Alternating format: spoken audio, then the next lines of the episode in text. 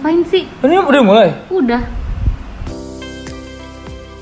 Assalamualaikum warahmatullahi wabarakatuh. Waalaikumsalam warahmatullahi wabarakatuh. Apa kabar, Pin? Baik Nabila. Eh, sebelumnya kita perkenalan dulu kali ya, biar pada kenal nih yang dengar. iya dong. Gue dulu deh yang kenalan. Eh, perkenalkan, nama saya Nabila Zafira, Ketua Bidang Media Komunikasi IMF FAUMJ Dan teman saya siapa namanya? Oke guys, nama gue Muhammad Kevin Arami. Gue selaku sekretaris bidang media, media dan komunikasi OMJ. Kita mau ngapain Nabila? Kita mau buat, kita mau perkenalan nih, perkenalan buat podcastnya IMF FAUMJ Ih keren banget ya IMMF OMJ ada podcastnya. Aduh. Ya, tujuan kita buat podcast ini apa sih, Pin? Sebenarnya tujuannya sih yang pertama itu pastinya kita bakalan ngomongin hal-hal yang lagi panas-panasnya di media. Kita akan bahas di podcast IMM. Dan yang pasti nanti kita akan hadirkan narasumber-narasumber yang tentunya berkualitas. Bukan begitu, Bit? Betul, betul.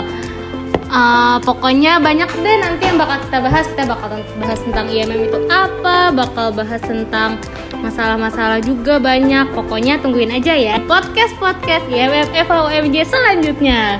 Eh, stay tune, guys. Udah kali ya, Pin, segitu aja kali ya perkenalan Ya. kita. Tungguin aja ya, guys. Iya, tungguin ya. Nanti episode selanjutnya pasti bakal banyak banget yang kita bahas. Oke? Dengerin terus ya.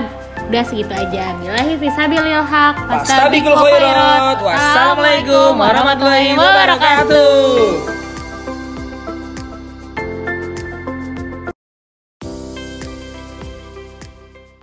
Assalamualaikum warahmatullahi wabarakatuh. Waalaikumsalam warahmatullahi wabarakatuh. Sekarang Alhamdulillah kita bisa ketemu lagi di podcast di episode kedua Suarai MMF UMJ.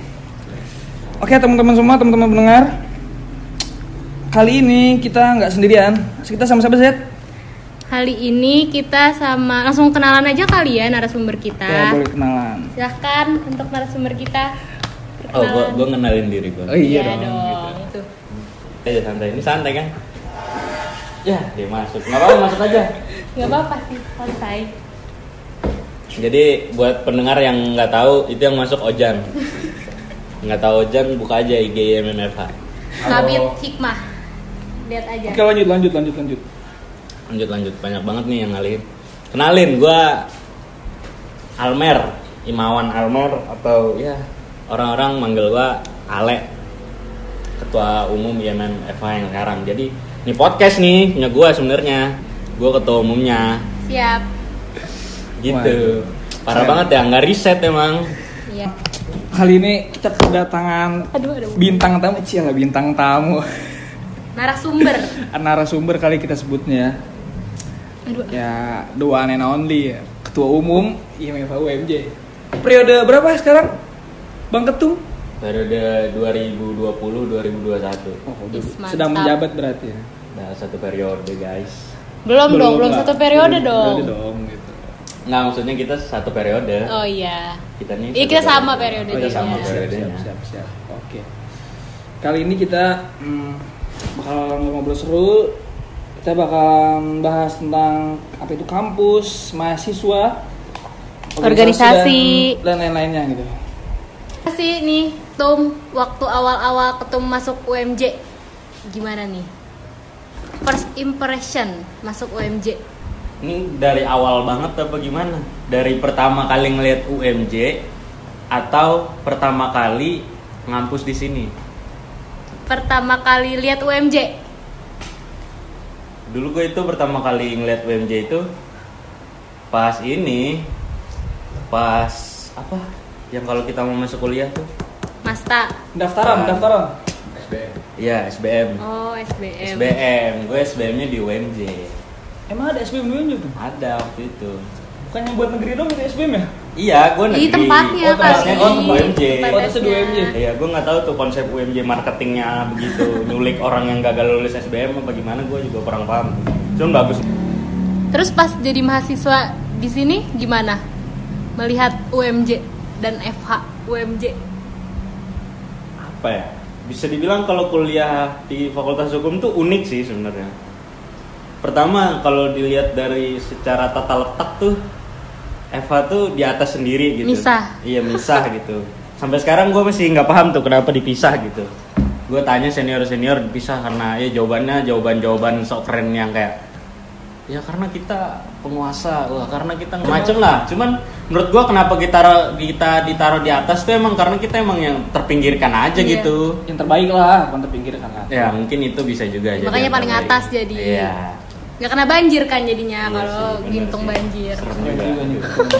takut juga gua kalau bayangin itu Terus dulu tuh rencananya nih tuh sebelum masuk UMJ tuh punya pilihan universitas mana aja sih? Kayak kan pasti semua orang punya lah kayak planning mau ah gue masuk UI nih, gue masuk Negeri. Undi, gue masuk negeri lah yang favorit lah, yang favorit lah. Kalau ketum sendiri gimana nih dulu? negeri apa swasta nih Negeri lah yang bergi yang paling gengsi lah. pasti dong the one and only Wes. the one and only nggak kampus mana tebak dong UI Iya. Pasti yellow itu. jacket bro. Iya, tujuan yellow kebanggaannya. jacket banget dulu. Gua sangat yellow jacket gua. Gua Nah. bahkan berharap ada stiker yellow jacket di helm gua. iya gue juga pengen itu di mobil kalau nggak Nah, kan di iya, di belakangnya mobil. Terus kenapa nih sekarang? Kok berlabuhnya di UMJ? ceritanya di UI panjang. Ceritain dong gitu. Kenapa gitu? Kenapa bukan di jaket merah, yellow jacket malah green jacket gitu? Yes. Waduh. green jacket gak tuh. Kalau di UMJ apa? Jika hu- jika hutan sudah tidak lagi hijau, maka biar kami yang menghijaukan. Wes. Ini quotes ketum nih keren banget nih teman-teman semua ini. Ngeri banget. Jadi pertama gue tuh SBM. Gue SBM itu UI Hukum. Terus bisnis. Terus UPN. Eh apa yang di Pondok Labu sini? iya Veteran, UPN. Iya UPN veteran, hukum juga. Nah, terus ternyata mungkin karena gua apa ya kata-kata halusnya, ya, bego mungkin ya. Jadi tuh gua nggak tahu nilai SBM gua berapa. Gue inget gua ngisi SBM itu karena kan dulu isunya kalau lu jawab SBM nggak boleh salah. Kalau salah poinnya dikurangin Iya. tuh. Kayak gitu ya. Nah, ya kan. Jadi mending ngisi. Iya, jadi mending ngisi. Nah, gua cuman ngisi dari 120 soal 30 apa 35 jawaban gitu. Gua rasa juga itu nggak bener semua itu 35 35 aja itu jadi nilainya kecil gitu. Sehabis gua UI gitu ya, gua mulai realistis lah kayak kayaknya Iya. gue emang kurang pinter gitu. Kayaknya gua emang nggak harus masuk UI. Kayaknya jalan sukses itu nggak harus di UI deh gitu. iya betul Terus gue putusin buat di UPN karena di UPN nggak perlu tes lagi. Apa dong? Kenapa? gitu? Jadi dia pakai nilai SBM. Oh, Mungkin SBM-nya iya. oh Nilai iya, SBM. Iya, pernah waktu itu kayak gitu. pakai nilai SBM. Nah, gue masukin tuh nilai lagi kan UPN. UPN doang nih. Apa ya? Hukum. Apa gitu. Pokoknya gue inget hukum. Apa sisanya ekonomi gitu. Fakultas ekonomi gitu. Apa nggak tahu manajemen, nggak tahu bisnis apa. Pokoknya nggak jelas lah. Oke, oke, oke. Habis itu nggak keterima Di UI nggak keterima, di UP nggak keterima di juga. UPN nggak keterima ah dari situ gue mulai mikir apa nilai SBM gue emang kecil ya sampai di UPN nggak keterima gue pindah lagi tuh ada jalur satu lagi mandiri Mandiri D3 Di mana? Di tiga di mana? di UPN Di UPN juga. iya Hukum juga D3. apa atau yang lain? nggak apa ya pokoknya nggak jelas lah yang penting gue Negeri. Yang iya, yang penting negeri gue ya. tiga aja Emang gitu Anak-anak zaman dulu suka kayak gitu ya. Jauh. ternyata syukur alhamdulillah ditolak. Juga sama. Berarti nggak ada yang masuk negeri ya? nggak ada yang lolos masuk. berarti.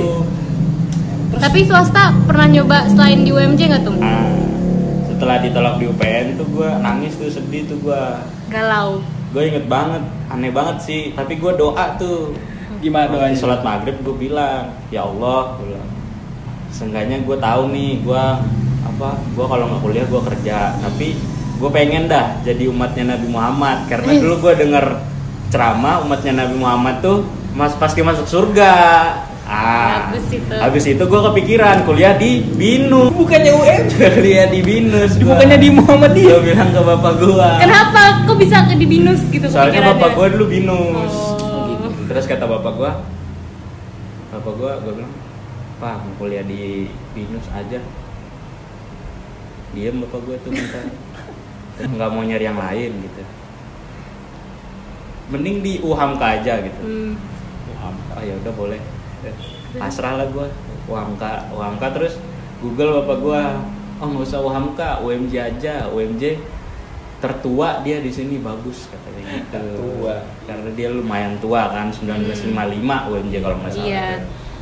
nah akhirnya gua masuk UMJ nah ternyata gue baru sadar doa gue tuh kejawab pas gua masta tuh gue baru sadar tuh Kenapa tuh? Iya doa yang maghrib tadi Oh. yang gua Jadi bilang pengikut umat Nabi Muhammad. Masuk Muhammadiyah berarti. Iya masuk Muhammadiyah.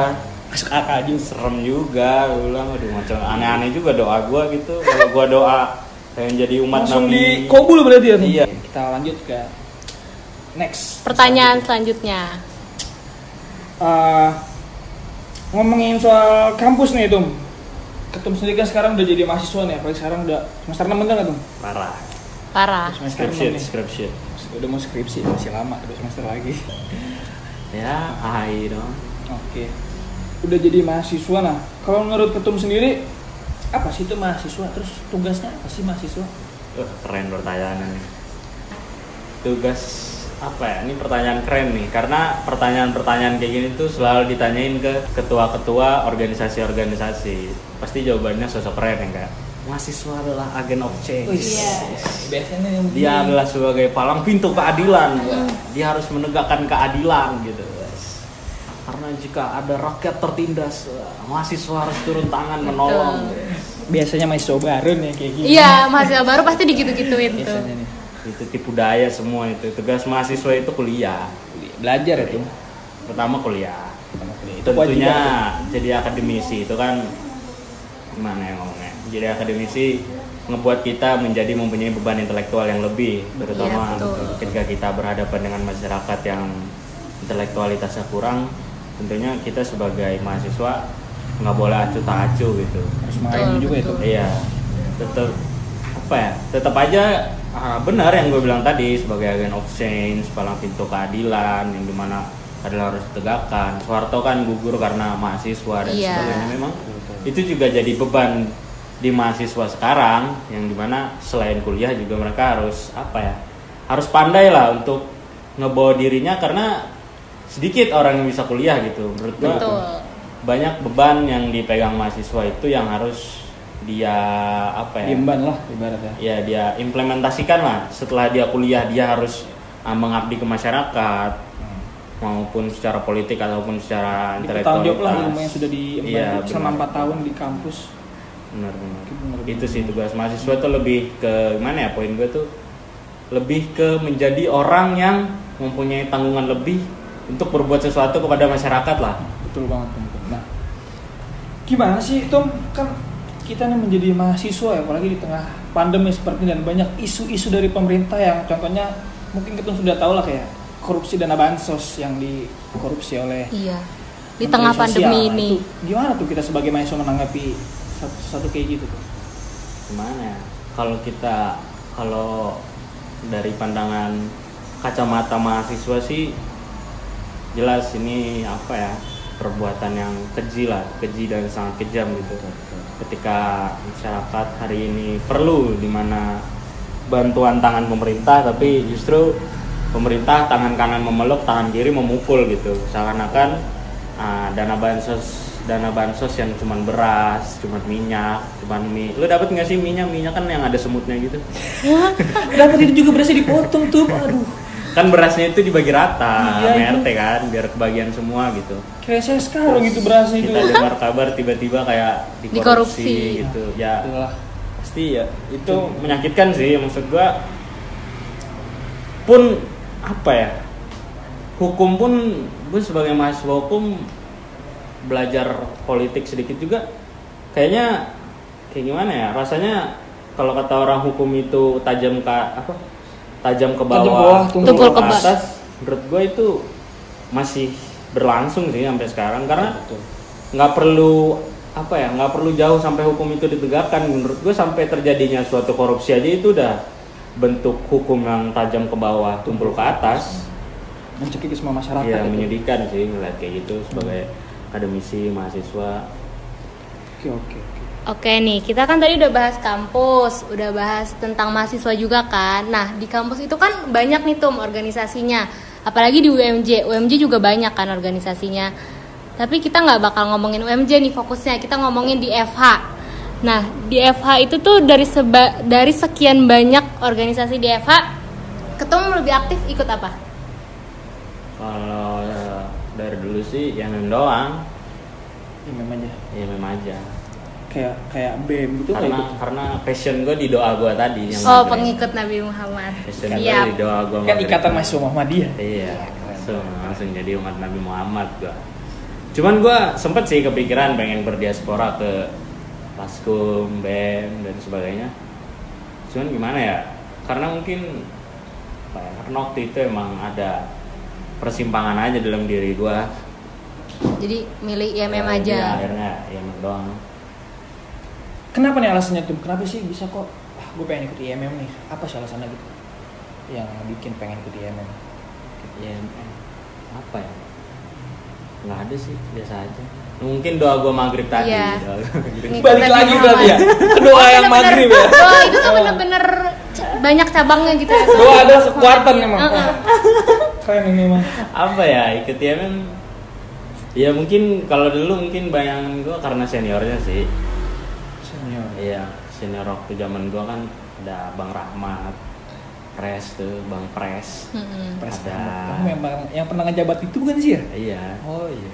Kenal. Pres Rahmat ada bang Ade Oh, gitu Iya. Itu menurut si dulu keren-keren generasi gue jelek-jelek kayaknya kurang Jeleknya gimana itu maksudnya? Iya maksudnya kurang menggelegar lah kalau dibandingin sama Pres Rahmat sama Cap Ade mungkin ya mungkin belum waktunya aja sampai ke sana. Oh, iya.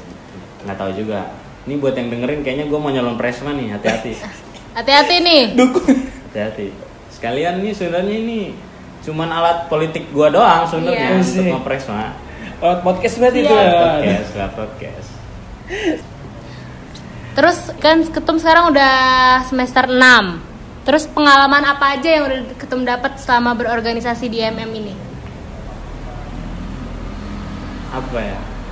Banyak sih kalau kalau misalnya kayak kalau dijadiin CV gitu, kepanitiaan tuh ya Udah sering lah ya. udah banyak gitu kayak bisa kali dua lembar gitu. Oh, ya. yang maksudnya bukan buat sombong tapi menurut gua ah, apa namanya pengalaman di organisasi itu penting sih sebelum nyampe di pengalaman kerja gitu Iya.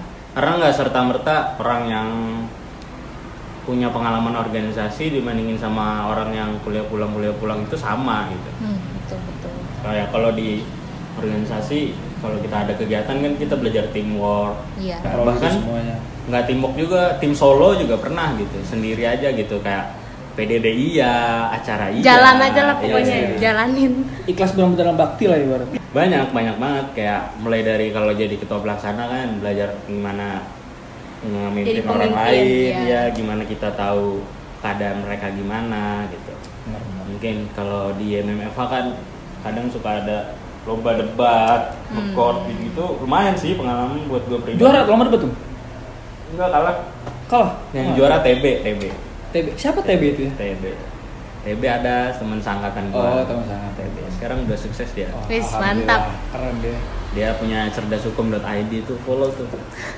Jangan Dia lupa. Cerdas hukumnya. Jangan lupa teman-teman pendengar semuanya. Itu terus apa Follow. ya belajar debat terus mood court sih yang paling berasa di gue tuh yang sampai ter apa lolos penyisihan ke Unila gitu ketemu orang baru Berarti pengalaman udah luar biasa itu. Iya. lumayan sih. Biasa. Pokoknya banyak pengalaman dari berorganisasi di MM ini ya Tum ya. ya cuman ya itu balik lagi ke dirinya sendiri sih karena kan gue yakin kesempatan itu datang karena kerja keras dan apa kerja keras dan doa gitu yang saling jadi satu bisa jadi kesempatan kalau kalau cuman kerja keras doang nggak doa mungkin nggak dapat kesempatan bahkan mungkin ada orang yang nggak mempersiapkan diri cuman dia dapat kesempatan sehingga nggak dapat kesempatan gitu Iya.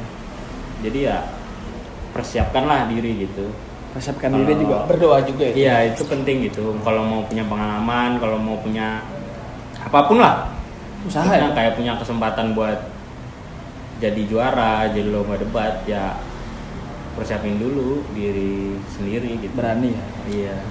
Ketika ada kesempatan itu jangan lari. Iya Ambil betul. kesempatan itu sama dia. Semua kesempatan ada hikmahnya. Oke. Keren juga. Kan tadi kita udah udah ngomongin ya sebagai macam lah macem-macem lah. terus eh, apa sih tuh mah suka dukanya gitu loh jadi mahasiswa terus ikut organisasi sebagainya gitu ada nggak sih kayak yang paling pengalaman paling membekas gitu yang nggak pernah dilupakan? Apa ya? Hmm, suka dulu apa duka dulu nih? Suka, dulu deh. sukanya gimana? Suka. Sukanya itu mungkin karena gue orangnya suka suka apa ya? Suka ketemu orang baru kali ya. Jadi kenapa gue di IMM tuh gue senengnya ketemu banyak orang gitu. Maksudnya kayak kalau kalau gue sih ngerasanya kayak ketemu anak-anak FPB anak-anak fakultas-fakultas lain lah FIP gitu itu gue seneng tertarik dengan pemikiran-pemikirannya gitu. Dan itu yang menurut gue menarik gitu. Terus selain itu juga kalau gue sukanya kenapa dia memang kayaknya dia memang udah ngerubah hidup gue banget gitu. Karena dulu kan gue apa ya anak warnet gitu ya ya ya kayak anak-anak nggak ada harapan lah nggak ada harapan lah maksudnya itu untuk ngegame kita nanti Ngegame, ngegame game akan aja. dibayar gitu padahal enggak itu padahal wah jauh sekali dari itu ya sampai ikut IMM tuh ngerasanya kayak wah anjir gue jadi baca buku gue jadi ini Jadi belajar. Nambah pengetahuan banyak gitu. membuat gue ngerasa berhutang banget gitu sehingga gue kayak kayaknya gue utang banyak deh nih organisasi keren keren keren terus tadi kan sukanya udah dukanya gimana tuh? Sedih sedihnya gimana? Ada nggak sih yang sedih sedihnya gitu? Di M itu jadi jauh bukan cuma yang bahagia bahagianya aja gitu. Ada juga sedihnya. dari dari apa ya? Kalau dari awal banget sih gue sedih tuh apa ya waktu itu kalau nggak salah gue jadi ketua ketua pelaksana tuh. Acara apa tuh kalau boleh tahu seminar nasional. Pas minat nasional. Seminar nasional. Kan acaranya pasti besar lah. tidak kecil dong. Iya. Ya gue ngerasa waktu itu ketika gue ngejalanin seminar nasional itu gue gerak sendiri. Ke mana yang lain emang tuh? Bikin sibuk. Oh sih cuman temen-temen gue pada akhirnya nolongin sih. Cuman di awal tuh gue wah capek banget ya kayaknya gue kerja sendiri deh. Sedih gitu. Sampai terus ke muskom gitu. Ke muskom gue ngerasa sedihnya tuh karena waktu itu gue takut banget sih jadi pimpinan sidang gitu. Takut Muskom. banget musyawarah Iya. cabang mungkin kali itu? Muskom muskom. Oh, Muskom. Muskom ya. yang sebelumnya kali. oh muskom oke oke oke. Hmm. kayak gue sendirian terus ngerasanya kayak aduh gue jadi pimpinan sidang lagi. Apa yang akan terjadi nih di muskom nih? Apakah akan ada tawuran? Apakah akan ada apa? Dulu ya, jadi kader Iya, muda ya? iya. Apakah Banyak pikiran-pikiran menakutkan. kayak sedih banget gitu. Gue sampai sempet pengen mikirin buat ini bikin surat pengunduran diri gitu kayak gue nggak mau nih jadi kader DMM lagi. Kan gue kasih ke Tumolan langsung ngedown itu iya ya? Kayak "Ah, udahlah nggak usah lah gitu. Sendiri sendiri juga gitu. Tapi kan bukan seperti itu itu ya sampai akhirnya sampai sekarang lah. Bertahan itu dengan Dengan semua badai. ya karena ya beberapa orang kalau ketemu masalah ada yang lari ada juga yang tetap tinggal gitu. Itulah hidup dan itu mungkin gue memilih tinggal Oke nih, jadi kan tadi kita udah ngomongin kan tentang kampus, mahasiswa, organisasi juga udah. Lanjut nih Tum, kan sekarang banyak nih berita tentang revisi UU ITE. Katanya tuh banyak pasal karetnya yang nggak sesuai dengan kebutuhan masyarakat. Nah, menurut Tum Ale nih, gimana sih kita sebagai mahasiswa, apalagi kita kan dari kacamata IMM sendiri nih, buat menanggapi isu itu Iya. gimana sih gitu supaya kita nggak takutnya jadi cuma asumsi terus malah berita hoax yang kita ubah. Itu gimana tuh? Kalau pendapat dari ketum sendiri? Tentang berita hoaxnya apa tentang undang-undang ITE-nya nih? Undang-undang ITE-nya dong. Kalau undang-undang ITE sih asal karet sih parah. Kenapa itu tuh gua undang-undang ITE itu dibuat awalnya kan tujuannya untuk melindungi orang-orang yang dirundung di sosial media kayak contoh misalnya orang yang kayak pelakor gitu pelakor di sosial media kan katanya pelakor lonte pelakor pelakor ini pelakor itu gitu. Padahal jauh nah itu undang-undang ITE itu buat ngelindungin si pelakor tadi biar dikata-katain. dia nggak harus dikata-katain di hate speech gitu-gitu. Sementara sekarang digunakan uh, orang-orang tuh buat nindak lanjutin apa like or dislike aja gitu kayak ya misalnya gue nggak suka nih sama Kevin gitu terus Kevin pernah ngatain gua Lewat chatting gitu anjing ya. gitu misalnya apa gimana gitu Laporin. Iya, gua gua sebel ini melanggar. ke polisi Iya. gitu. Nih, masa dia head speech ke saya nih, ngatain saya anjing. Hati saya sakit gitu. Padahal difitnah doang kayak gitu. Nah, padahal kan emang kayak anjing gitu sebenarnya kan kita juga nggak tahu gitu. Iya, sebenarnya fakta atau enggak kan Iya, ada yang tahu. Oke, oke, benar banget itu. Terus yang jadi problemnya sekarang kayak semua orang tuh bisa jadi korban undang-undang ITE gitu. Iya. nggak terlepas dari apa pun semua orang tuh bisa kayak cuman kayak ngetik ah, ngetik Kevin Bego gitu bisa masuk undang-undang ITE gitu kayak Penghinaan ya. iya penghinaan Penghinaan nih, pasalnya pasal ini waduh. remeh banget gitu menurut gua apa ya nggak hukum sih hukum gitu cuman hukum juga nggak sehukum itu Iya. gitu. nggak perlu se-strict itu untuk kasus-kasus remeh seperti itu sih nggak nggak inilah Nggak perlu lah itu. urgensitasnya tuh harusnya bukan ke situ gitu urgensinya tuh Diselesaikan jangan secara pribadi aja lah. Iya. Kalau masalah banyak jalur yang lebih bagus untuk dilewati itu dan kan sekarang katanya informasi terakhir sih mau direvisi gitu Iya. katanya kalau yang ngelakuin perundungan atau penghinaan online itu tinggal minta maaf atau klarifikasi aja gitu. Biar jadi nggak perlu diproses permintaannya. Ya itu menurut gue terobosan sih. Nah, suatu inovasi itu berarti. ya lumayan lah kayaknya sih. Nggak tahu ditegakin apa enggak ya. cuman kalau da- dari dulu banget tuh dari tahun berapa sih itu ya? 2008 kan? 2008 Iya, ya iya, 2008 tuh dari 2008 tuh ada berapa? Banyak banget mungkin. Kalau kayak baik Nuril Mbak Prita gitu gitu kalau tahu Mbak Prita tuh dia bikin cuitan apa apa gitu ke email temennya. Kalau dia tuh nggak dapat pelayanan baik di rumah sakit ini gitu. Rumah sakitnya nggak terima terus dia di apa namanya? Dikenain di, pasal undang-undang. ITE sama rumah sakit ini. Makanya sempet ada trending tuh kayak koin untuk Prita gitu Padahal itu cuma apa? Komplain ya berarti Iya, pelayanan komplain. sakit. Mencerita Komplain, malah itu iya, sebenarnya kan? Hmm. Malah jadi ke Iya. jalur hukum. Iya. Real juga kan dia cerita temennya kalau dia diapain gitu sama sekolah sekolah mana gitu di situ jadi kesebar ininya merasa dilecehin laporin undang-undang kayak ya bahaya sih Jadi wewenang-wenang itu menggunakan undang-undang UTE itu jadinya. Iya, iya, undang-undang bagus tuh kata-katanya. Terus apa lagi tadi? Undang-undang ITE, terus hoax, menangkal hoax. Iya. Iya. Itu gimana tuh? Bang? Gimana sih mungkin kayak ngebedain nih kan apalagi sekarang nih pas pandemi ini kan banyak banget nih berita-berita yang hoax juga kan. Yang simpang siur gitu loh Iya. masalah. Kalau ya? Kalau gua pengen sepakatnya sama kata-kata Panji Pragiwaksono sih. Dia bilang tuh gampang, gampang banget buat bedain mana hoax mana enggak gitu kayak misalnya kalau kata Panji tuh ada berita misalnya ternyata Jokowi orang Cina gitu nama Cinanya Jokowi gitu.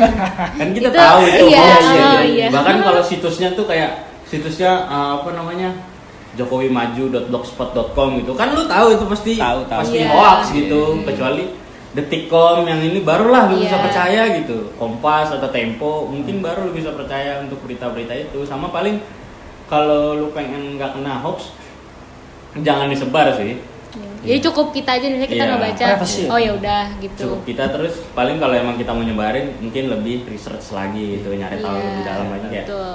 Misalnya ada berita tiba-tiba Iwan Fals meninggal gitu Padahal Iya. enggak kan? Ya, padahal masih nge-tweet Iwan Fals itu kan Masih ngopi dari Iya, rumah. masih ngopi terus kita cari beritanya dulu gitu apakah Iya. Iwan Fals meninggal Nah, gitu kalau teman-teman yang ngucapin di Facebook nah itu cek lagi tuh Iya. teman-teman Twitternya ngucapin juga enggak gitu, ya kan? IG juga Iya, ya. IG juga artis-artis lain gitu Hmm. Bella Sungkawang enggak gitu kan harus ditelusuri sejauh itu kan sekarang zaman udah maju lah Udah stalker ya. stalker gitu kan banyak Instagram Banyak. cewek-cewek yang kayak bionya hello stalker gitu kan ada juga yang nge-stalk gitu cewek yang nge-stalk gitu Aduh. gitu lebih research sih Gak kerasa nih kita udah setengah jam ini kita. Gimana kalau kita akhirin aja biar yang pendengar juga nggak bete denger ya. Gimana Enzen? Boleh, ayo kita udahin aja nih podcast kali ini. Sebelum kita udahin nih, gue mau quotes dulu quotes dari ketum punya quotes nggak nih buat Ya. teman-teman mahasiswa zaman sekarang nih yang terdampak pandemi biar nggak nggak bete atau gimana? apa ya Quotes ya. quotes tentang pandemi ya Iya. bagus nih pertanyaan ini bagus diminta jadi coach gue gue berasa kayak Mario Teguh gue Wes, keren Radio Teguh. atau filosof filosof Yunani gue Sajio Tejo kali ah. Hmm, apa ya kalau disuruh bikin quotes mungkin quotesnya lebih lebih tepatnya gini ya gue pengen ngomong kalau tahun 2020 tuh apa tahun yang keras gitu pandemi ini keras gitu dari sekian banyak zaman gitu dari 1945 gitu sampai Kemerdekaan 2000 ya? dari 2021 Jauh banget ya, gitu. 1945. kenapa harus di tahun 2020 2021 tuh ada pandemi gitu Kenapa nggak di- Kenapa nggak di 2065 kan bisa gitu ketika Iya. Kita umur 65 atau 64 gitu baru ada pandemi Iya, gitu iya. kita udah Boleh. ngerasain happy happy hidup gitu Bener bener bener. kita udah ngerasain ya sempat sukses terus Kita udah tinggal istirahat lagi, atau gitu. gimana gitu ya kan Iya, iya. tahun 2020 itu tahun yang spesial gitu jadi jangan ngerasa kayak tahun ini sengsara tahun ini sial atau tahun ini apa gitu Jadikan tahun ini sebagai pelajaran. menurut gua Betul. tahun ini tahun yang spesial yang harus patut kita syukuri gitu dan kita harus kerja keras di 2020 ini kita orang-orang yang terpilih gitu kayak ibaratnya kita adalah Power Ranger Power Rangernya Wes, gitu keren, Kita keren. Power Ranger Power Ranger di sini dan menurut gua ah, tetap yakin aja pandemi ini bisa lewat karena ah, udah yakin lah dengan Al-Baqarah 286 gitu sesungguhnya Allah tidak pernah memberikan cobaan melebihi dari kapasitas hambanya gitu Masya Allah. jadi ya ya survive lah Survive, survive pasti kita keep strong. Keep strong. Keep strong. Keep fighting. Keep fighting. weh, weh. And stay red. Stay Wes, teres teres. Stay red. IMM banget emang. Ya, mantap.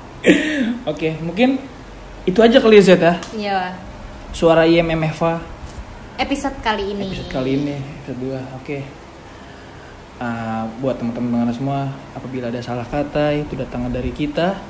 Apabila itu ada kebaikan datang dari Allah Subhanahu wa taala. Bila bisa bil haq, fastabiqul khairat. Wassalamualaikum warahmatullahi wabarakatuh.